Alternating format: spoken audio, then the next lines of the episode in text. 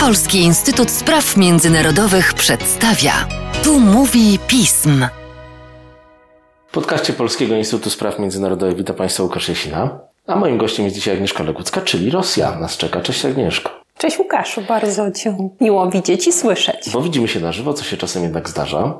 Lepiej się o tych sprawach rozmawia i także na żywo rozmawiał Władimir Putin ostatnio z Joe Bidenem o bidenowskiej stronie tego szczytu. Rozmawialiśmy z Mateuszem Piotrowskim, naszym specjalistą do spraw amerykańskich. A z Tobą oczywiście chciałbym porozmawiać o spojrzeniu na to, na to spotkanie ze strony rosyjskiej. Oczywiście nie będziemy się zagłębiać w mózg Władimira Putina, bo, bo nie jesteśmy aż tak wielkimi fachowcami. Nikt tego z sukcesem nie zrobił. Może kiedyś. W każdym razie to spotkanie się odbyło miało pewne znaczenie, nawet dość duże. Po nim pojawiły się też kolejne tego typu działania. Inicjatywa niemiecko-francuska związana z kolejnym szczytem, tym razem unijno-rosyjskim, który miał być swego rodzaju unijną odpowiedzią na spotkanie Biden-Putin.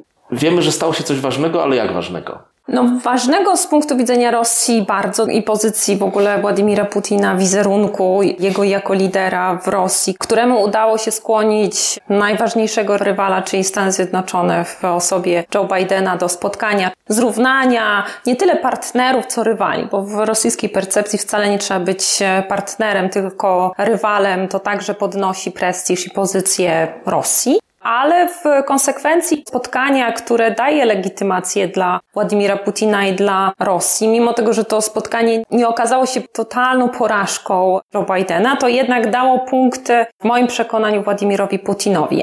Joe Biden jednak nie jest formalnie reprezentantem Europy, a Angela Merkel i Emmanuel Macron jednak są przywódcami naszych europejskich państw. To było chyba największym takim problemem dla nas, że ta propozycja pojawiła bardzo późno, taką była taką wrzutką, która przyćmiła ważną rzecz, która się pojawiła chyba po raz pierwszy, bo konkluzje Rady Europejskiej, te, te ostatnie z końca czerwca, są bardzo mocne względem Federacji Rosyjskiej. I wpisują się zasadniczo w takie myślenie, z którym my się utożsamiamy jako Polska, czyli że trzeba się nastawić na długoterminową rywalizację i takie napięcia z Federacją Rosyjską, że to Rosja musi zrobić pierwszy krok do tego, żeby poprawić te relacje i że raczej nie należy tego oczekiwać. Takie są konkluzje, więc one są dość mocne w stosunku do rządzącego w Rosji i jego ekipy, ale także także wspierający społeczeństwo obywatelskie, więc pod wszystkimi tymi elementami Polska mogłaby się spokojnie podpisać i państwa bałtyckie. Tylko mocny przekaz został przykryty właśnie tą inicjatywą, a późniejszymi też wypowiedziami Emmanuela Macrona na temat tego, że my no nie chcemy rozmawiać z Rosją, bo jesteśmy... Słowo,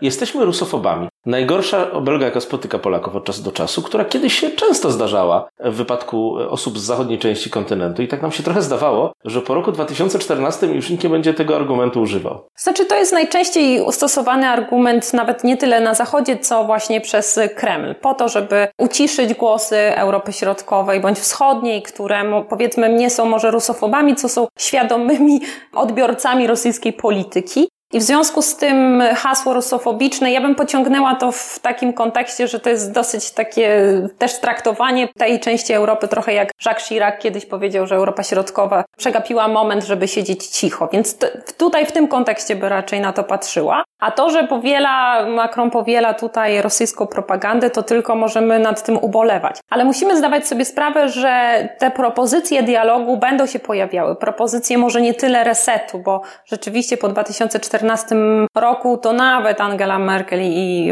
Emmanuel Macron nie chcą kolejnego takiego obrazu, w którym nagle są propozycje współpracy względem Federacji Rosyjskiej, ale pomysły dialogu się pojawiają i Polska musi być na to przygotowana, żeby mieć po pierwsze pomysły na to, w jaki sposób prowadzić ten dialog i pomysły, co może zaoferować, żeby nie tylko tupać nogą, że my nie chcemy rozmawiać, bo nie chcemy rozmawiać, bo te pomysły się będą pojawiały w Europie Zachodniej. Więc jeżeli tak sumarycznie można powiedzieć, to przede wszystkim te trzy elementy trzeba wskazać. Po pierwsze, ten dialog musi być warunkowy, czyli opierać się na zasadach, którym Unia Europejska już, pod którymi się podpisała, czyli że zarówno uregulowanie kwestii Donbasu, zarówno kwestie e, ochrony praw człowieka, a także wsparcie dla państw Partnerstwa Wschodniego oraz no, zaangażowanie państw członkowskich w kwestiach, które będą w ich interesie. No, po drugie, czas Czas jest tutaj kluczową kwestią, bo to nie może być tak, że jak Joe Biden się spotyka z Władimirem Putinem, to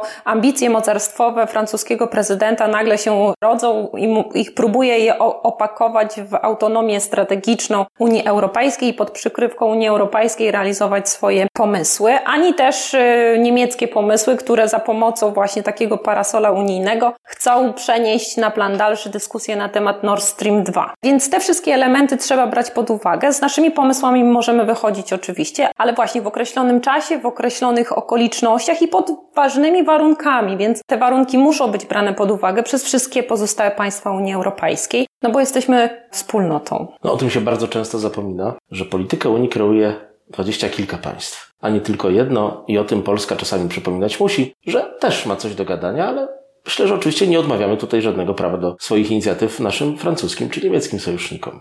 Dokładnie. Nawet jeżeli zakładamy albo wiemy, że na przykład e, Francuzi są antyamerykańscy, to nie będziemy z nimi nie rozmawiać tylko dlatego, że wiemy, że mają takie stanowisko, tylko właśnie po to jesteśmy wspólnotą, żeby Lub też nie słuchać francuskich inicjatyw w sprawie Sahelu tylko dlatego, że kiedyś Francuzi byli tam mocarstwem kolonialnym. No dokładnie tak. Cóż, polityka zagraniczna ma to do siebie, że czasami się na siebie krzyczy, aby potem pewne rzeczy dopracować. Ja się cieszę z tych konkluzji, które zostały podjęte. A ja całkowicie podpisuję się pod zdaniem naszego eksperta, ekspertki, znaczy Agnieszki Luguckiej.